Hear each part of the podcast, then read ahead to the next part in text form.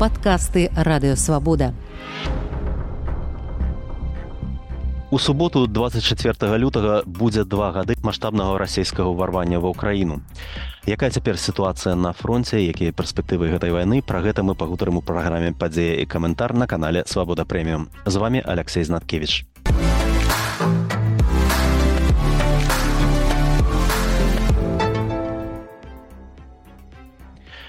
І наша сённяшняя госця аналітык амерыканскага інстытуту вывучэння вайны Кацярына Степаненко. Вітаю шчыра дзякую, што знайшлі час пагутарыць. Вітаю вялікі дзякуй за запрашэнне. Калі параўнаць тое, што адбываецца на фронце цяпер і тое, што адбывалася год таму, якія вы бачыце галоўныя змены? Think that we're seeing seeing a pretty similar pattern in terms of Russian uh, priorities and Russian uh, offensive operations.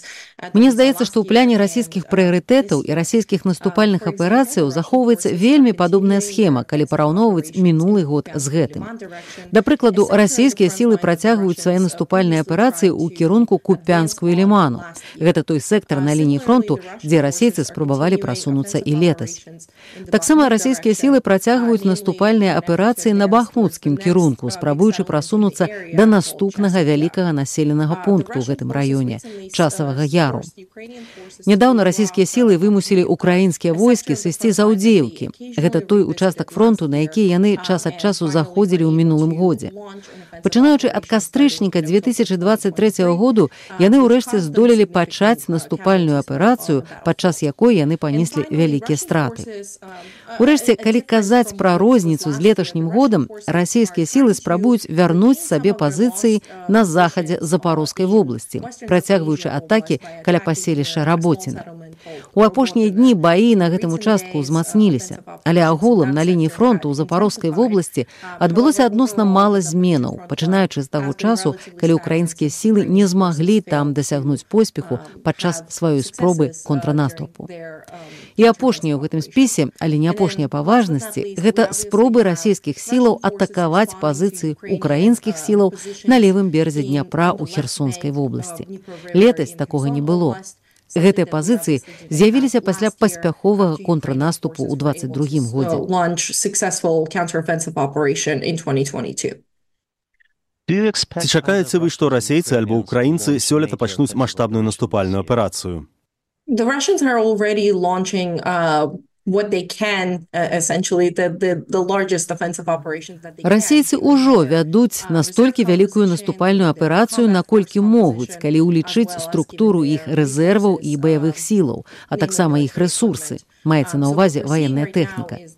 Цяпер мы назіраем спробу значнага наступу з боку расейцаў, і яны гэта рабілі і ў мінулыя зімовыя сезоны.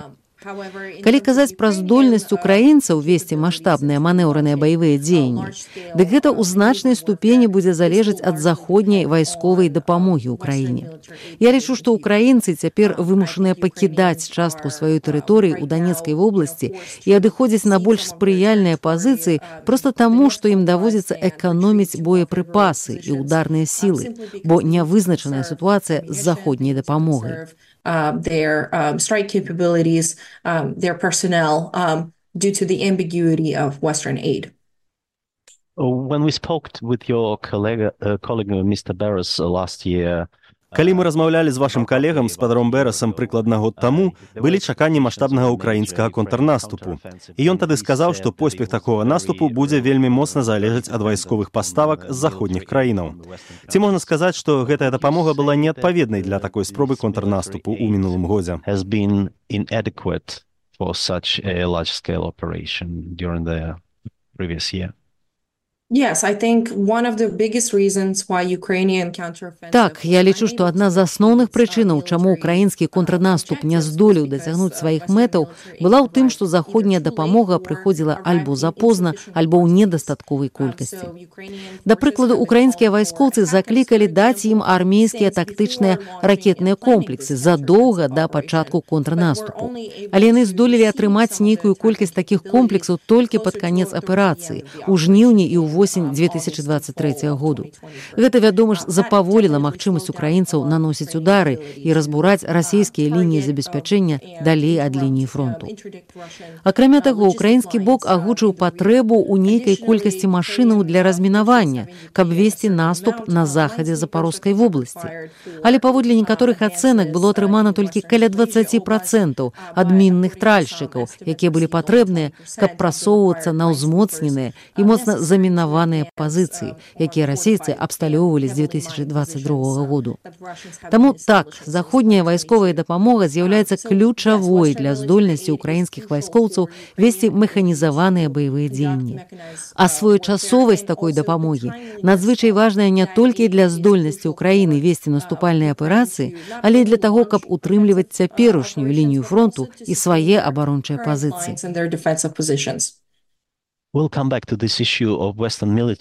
Мы яшчэ вернемся да пытання заходняй вайсковай дапамогі.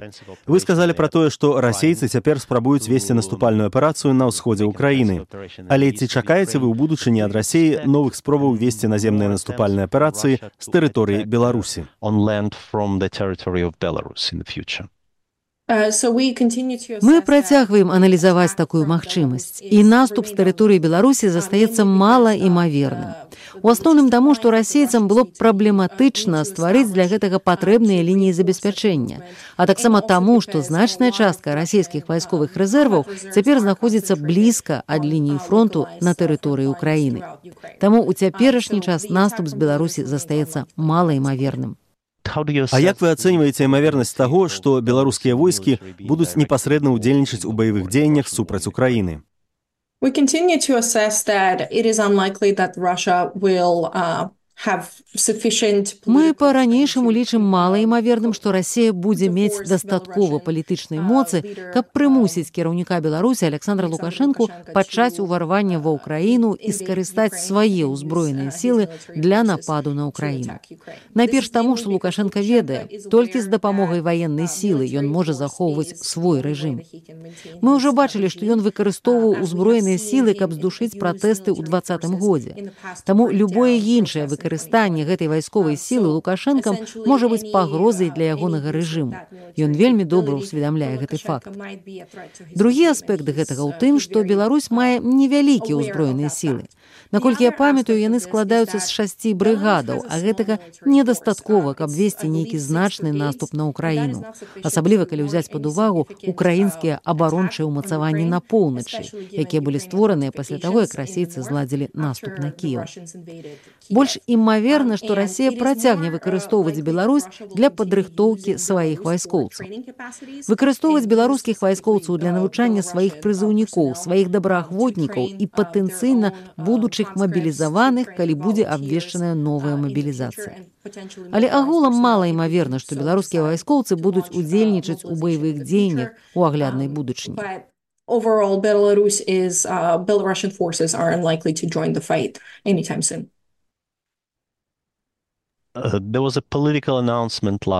У мінулым годзе прагучалі палітычныя заявы, што Расія размесціць сваю тактычную ядерную зброю на беларускай тэрыторыі. З такімі заявамі выступалі і Лукашенко і Пуін. Ці ёсць пацверджанне, што гэтая ядерная зброя ўжо размешчаная ў Беларусі і ці на вашу думку яна з'яўляецца фактарам у расійскай вайне ва ўкраіне. Um, so nuclear weapons um, and the, the, the, the redeployment of... Um, Абвяшчэнне таго, што расійская тактычная ядзерная зброя будзе зноў размешчаная ў Беларусі, фундаментальна не мяняе разлікаў НАТО альбо ўкраіны.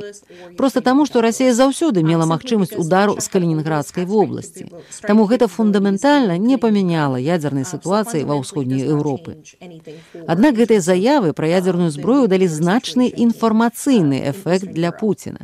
Гэта якраз тое, чаго ён хацеў дасягнуць, асабліва калі ўзяць пад увагу тэрміны леташняга ўкраінскага контрнаступу. Калі паглядзець на час, калі абодва лідары абвясцілі пра размяшчэнне ядзернай зброі, гэта адбылося якраз перад контрнаступам. Але гэта сапраўды напалохала некаторых заходніх дзяржаўных асобаў перспектывай ядзернай эскаляцыі і запаволіла перадачу ўкраіне вайсковай дапамогі, якая была патрэбная для контрнаступу. Хоць у стратэгічным сэнсе гэта мала што мяняла. Наша арганізацыя не бачыць нейкіх сведчанняў, што гэтая зброя ўжо размешчаная ў Беларусі. Аднак ёсць некаторыя арганізацыі і эксперты, якія займаюцца зборам выведнай інфармацыі з адкрытых крыніцаў і якія зрабілі дапушчэнне, што сродкі нанясення ядзернага ўдару могуць быць ужо размешчаныя на аэрадромах у баранавічах ці ў лідзе. З нашага боку гэта не пацверджана.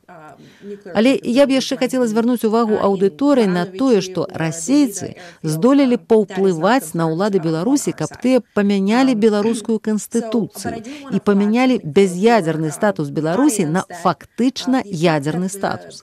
Гэта значная змена і гэта значная пагроза для суверэнітэту беларускай дзяржавы. Бо любая здольнасць рассеі дыктаваць, як павінна выглядаць беларуская канстытуцыя, гэта ўжо вялікая праблема для беларускага суверэнітэту. І гэта вядзе да далейшай інтэграцыі ў саюзную дзяржаву. Um, any capability that Russia has to dictate what Russia, a Belarusian constitution is supposed to look like is already a, a big concern for uh, the, the Belarusian sovereignty and further integration with the, the Union state. Uh, Калі вярнуцца да заходняй вайсковай дапамогі ўкраіне, ужо доўга абмяркоўваюць пастаўкі самалётаў знішчальнікаў F-16. Днямі я прачытаў ва ўкраінскай прэсе, што першыя такія самалёты маюць быць ва ўкраіне да чэрвеня. Паводле вашых ацэнак, калі гэтыя самалёты будуць выкарыстоўвацца ў баявых дзеяннях і ці акажа гэта істотны ўплыў на хаду вайны.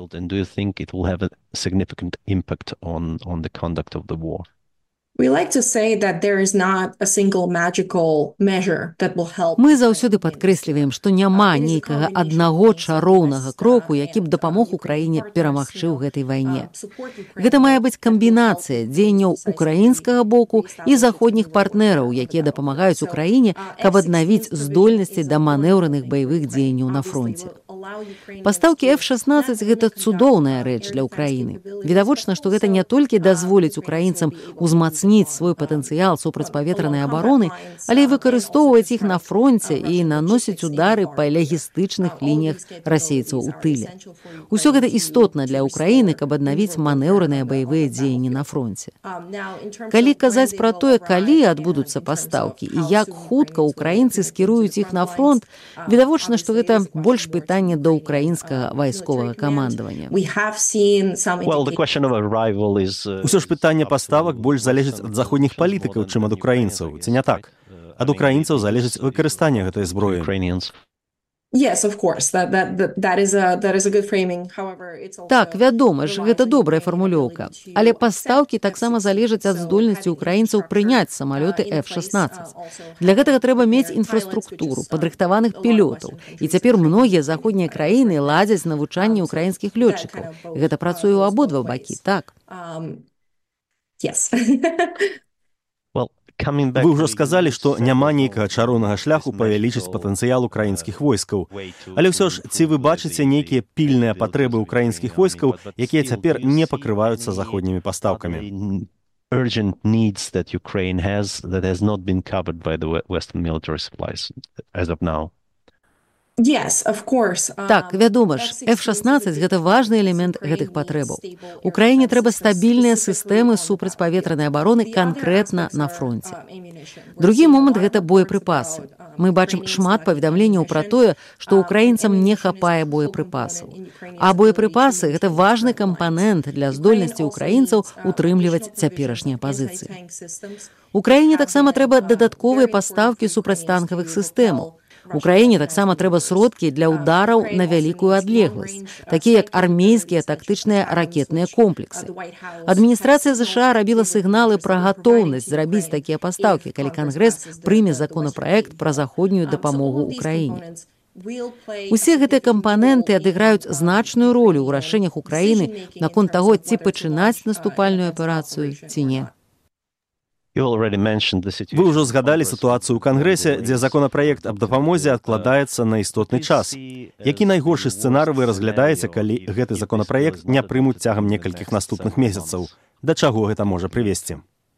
It could potentially lead to Ukrainian losing Гэта патэнцыйна можа прывесці да паразы ўкраіны на фронте. У больш мяккіх варыянтах гэта можа прывесці да страты ўкраінай дадатковых тэрыторый там, дзе цяпер ідуць актыўныя баявыя дзеянні. У найгоршай сітуацыі, калі ўкраіна не будзе атрымоўваць стабільнага доступу да заходняй вайсковай дапамогі, гэта можа прывесці да няздольнасці ўкраіны перамагчы ў гэтай вайне. Гэта вельмі цяжкая сітуацыя. Мы назіраем самаабмежаванне на пастаўкі з боку заходніх краін краінаў. І ў краіне, вядома ж, спатрэбіцца дадатковая дапамога не толькі на гэты час, але ў далейшай перспектыве. Спатрэбяцца доўгатэрміновыя высілкі захаду ў пастаўках дапамогі для ўкраіны і навучанне ўкраінскіх вайскоўцаў у будучыні.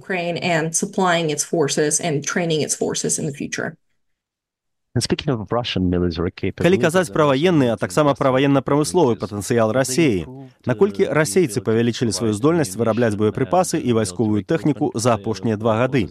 І ці бачыце вы нейкія шанцы, што Расія будзе мець недахоп боепрыпасаў ці тэхнікі, які істотна абмяжуе яе здольнасць весці вайну. The Russians are definitely trying to improve their uh, both their ammunition, their missile capabilities, um, also their uh, production of tanks and modernization of tanks. Расейцы відавочна спрабуюць палепшыць свой патэнцыял вытворчасці боепрыпасаў і ракет, вытворчасці і мадэрнізацыі танкаў. Яны спрабуюць павялічыць вытворчасць для свайго ваенна-прамысловага комплексу. Яны здолелі паспяхова забяспечыць дастатковы ўзровень вайсковай тэхнікі, каб захаваць цяперашні тэмп вядзення вайны. Мы цяпер гаворым не пра магчымасць наступу на кію, а пра здольнасць ладзіць некалькі лякальных наступальных аперацый у раёне купянску, аўдзеўкі, бахмуту, работціна. Яны вырабляюць дастаткова, каб падтрымаць такія магчымасці. І яны таксама маюць дастаткова патэнцыялу, каб аднаўляць тую колькасць ракетаў, якімі яны абстрэльваюць украінскую тэрыторыю, шахедаў і іншых ракетаў, якія яны выкарыстоўваюць на фронте. Асноўная праблема, з якой сутыкаецца расейцы, гэта тое, што ім не хапае кадраў для ваенна-прамысловага комплексу. А таксама яны сутыкаюцца з санкцыямі, якія яны спрабуюць абысці праз іншыя краіны, праз краіны цэнтральнай Азіі і блізкага ўсходу, каб вырабляць больш складаную вайсковую тэхніку.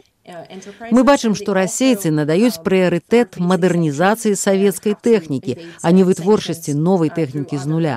Імаверна, што гэта таксама адбываецца ў выніку абходу санкцый. Гэта асноўныя тэндэнцыі, якія мы цяпер бачым у расійскай вытворчасці. Um, we are seeing that Russians are prioritizing modernizing Soviet equipment rather than producing it from scratch, um, likely also as a result of sanction invasion. And um, so those are the the main um, the main tendencies that we get to the, the main trends that we see uh, for Russian production at this point. Uh, you mentioned the sanctions, but uh, I listened to a briefing uh, by the Center for Вы згадалі санкцыі. На мінулым тыдні ў Вашынгтоне адбыўся брыфінг Цэнтру стратэгічных і міжнародных даследаванняў, дзе казалі, што расейцы даволі паспяхова абыходзяць санкцыі і што Кітай усё больш пастаўляе тэхналогіі для вайсковай тэхнікі. Ці вы пагодзіцеся з такой ацэнкай? Would you share this assessment? Uh... Um, yes, I, I do think that the Russians have improved their sanction evasion schemes.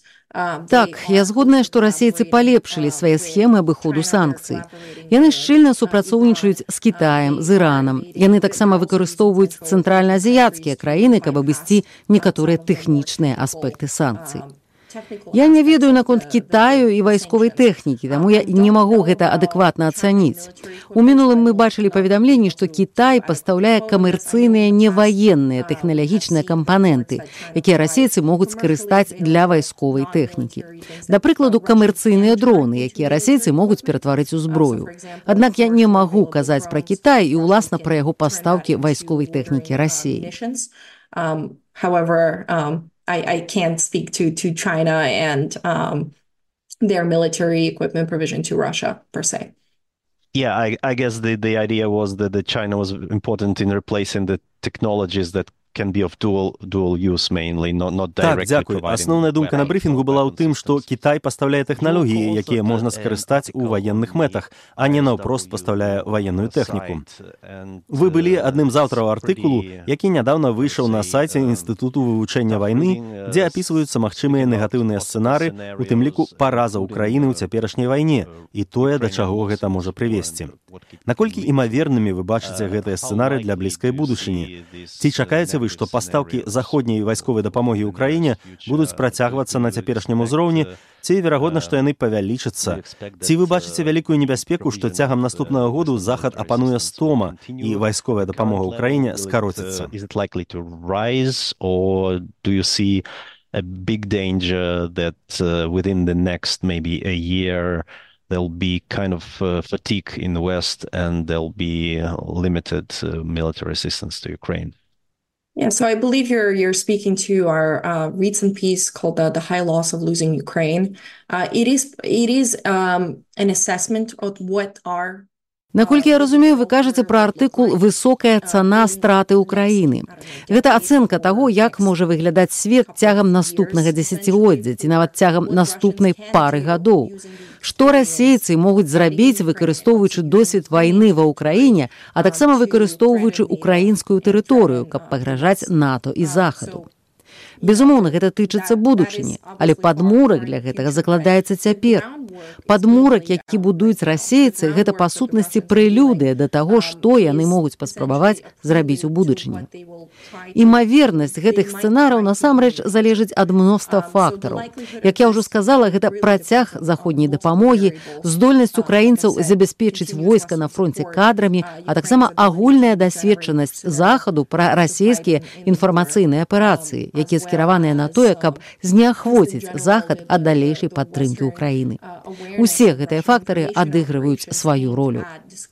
Мы таксама ведаем яшчэ некалькі фактараў. Першы ў тым, што расейцы спрабуюць правесці доўгатэрміновыя ваенныя рэформы да 2026 году, дзе мэта аднавіць маскоўскую і ленінградскую вайсковыя акругі. Гэта канкрэтна скіравана супраць НАТО.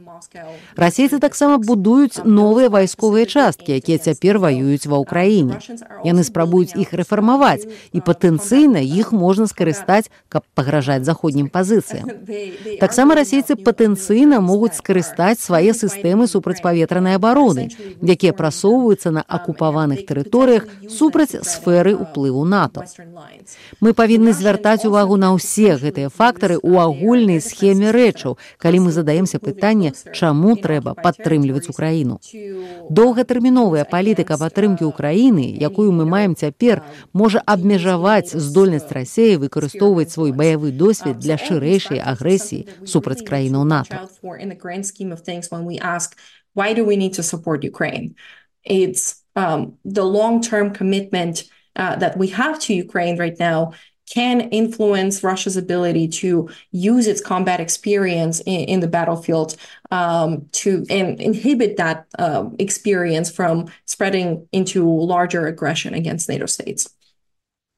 And uh, in the same article uh, we were talking about У тым самым артыкуле, пра які мы размаўляем, вы апісваеце, як у выпадку перамогі ва ўкраіне Расія можа фактычна паглынуць Беларусь і размясціць там некалькі вялікіх вайсковых злучэнняў. А якой вы бачыце сітуацыю для Беларусі, калі вайна будзе працягвацца без нейкага яснага развязання? Калі некалькі наступных гадоў будзе працягвацца вайна на знясіленне? Якой вы бачыце сітуацыю Беларусі ў такім сцэнары? decisive conclusion to, to, to, to the war if, if, if it continues as a war of attrition for the next several years. How do you see Belarus in this scenario? I think the Kremlin is going to continue its campaign to de facto annex uh, Belarus. It's going to advance its uh, union state objectives, which is something that they have uh, rapidly intensified. Я думаю, что Кремль будет працягваць свою кампанію по фактычнай анексіі Беларусі. Ён будзе прасоўваць свае мэты ў пабудове саюзнай дзяржавы. Гэта значна ўзмацнілася пасля два году, верагодна ў абмен на стабільнасць рэжыму Лукашэнкі. Мы бачым, што вайна дапамагла Пуціну прасунуцца да некаторых мэтаў саюзнай дзяржавы, чаго ён не мог дасягнуць у мінулым. Да прыкладу размяшчэння ядзернай зброі гэта вельмі значны фактар у гэтым. Гэта няспынная праблема, бо Лукашенко па сутнасці прымае некаторыя кампаненты саюзнай дзяржавы ў абмен на тое, што ягоныя войскі не пойдуць на фронт ва ўкраіне. Нават калі ва ўкраіне будзе працягвацца вайна, Крэмль будзе выкарыстоўваць гэты час для фактычнай анексіі Беларусі ў хуткім часе. Гэта тое, што павінна хваляваць захад. Мне здаецца, часам забываюцца пра тое, што Расія ўжо мае значны ўплыў на шэраг фактараў унутры Беларусі. І яшчэ адна рэч, на якую я хацела б звярнуць увагу якой мы заклапочаны. Пытанне, наколькі юрыдычная інтэграцыя ўнутры саюзнай дзяржавы можа паўплываць на беларускі закон аб прызыве на вайсковую службу і наколькі гэта можа дазволіць расійскім войскам прызываць ці мабілізоўваць беларускіх мужчын у расійскія ўзброеныя сілы. Калі саюзная дзяржава будзе прасоўвацца, ці не можа Расія скарыстацца беларускімі чалавечымі рэзервамі для працягу вайны ва ўкраіне. Мы пакуль вывучаем гэтае пытанне, але яно выклікае вялікую заклапочанасць у сэнсе юрыдычнай інтэграцыі саюзнай дзяржавы. Uh, the Belarusian pool of uh, men for its advantage to continue war in Ukraine. This is something that uh, we're still looking into, but uh, it is a is a great concern in terms of the the legal integration of the Union state. Дзякуй вам вялікі за гутарку. Дзякуй. Я нагадаю, што нашай госцяй была аналітык амерыканскага інстытуту вывучэння вайны Кацярына Сцепаненко. З вами быў Алексей Знаткевич. Не губляйце свабоды.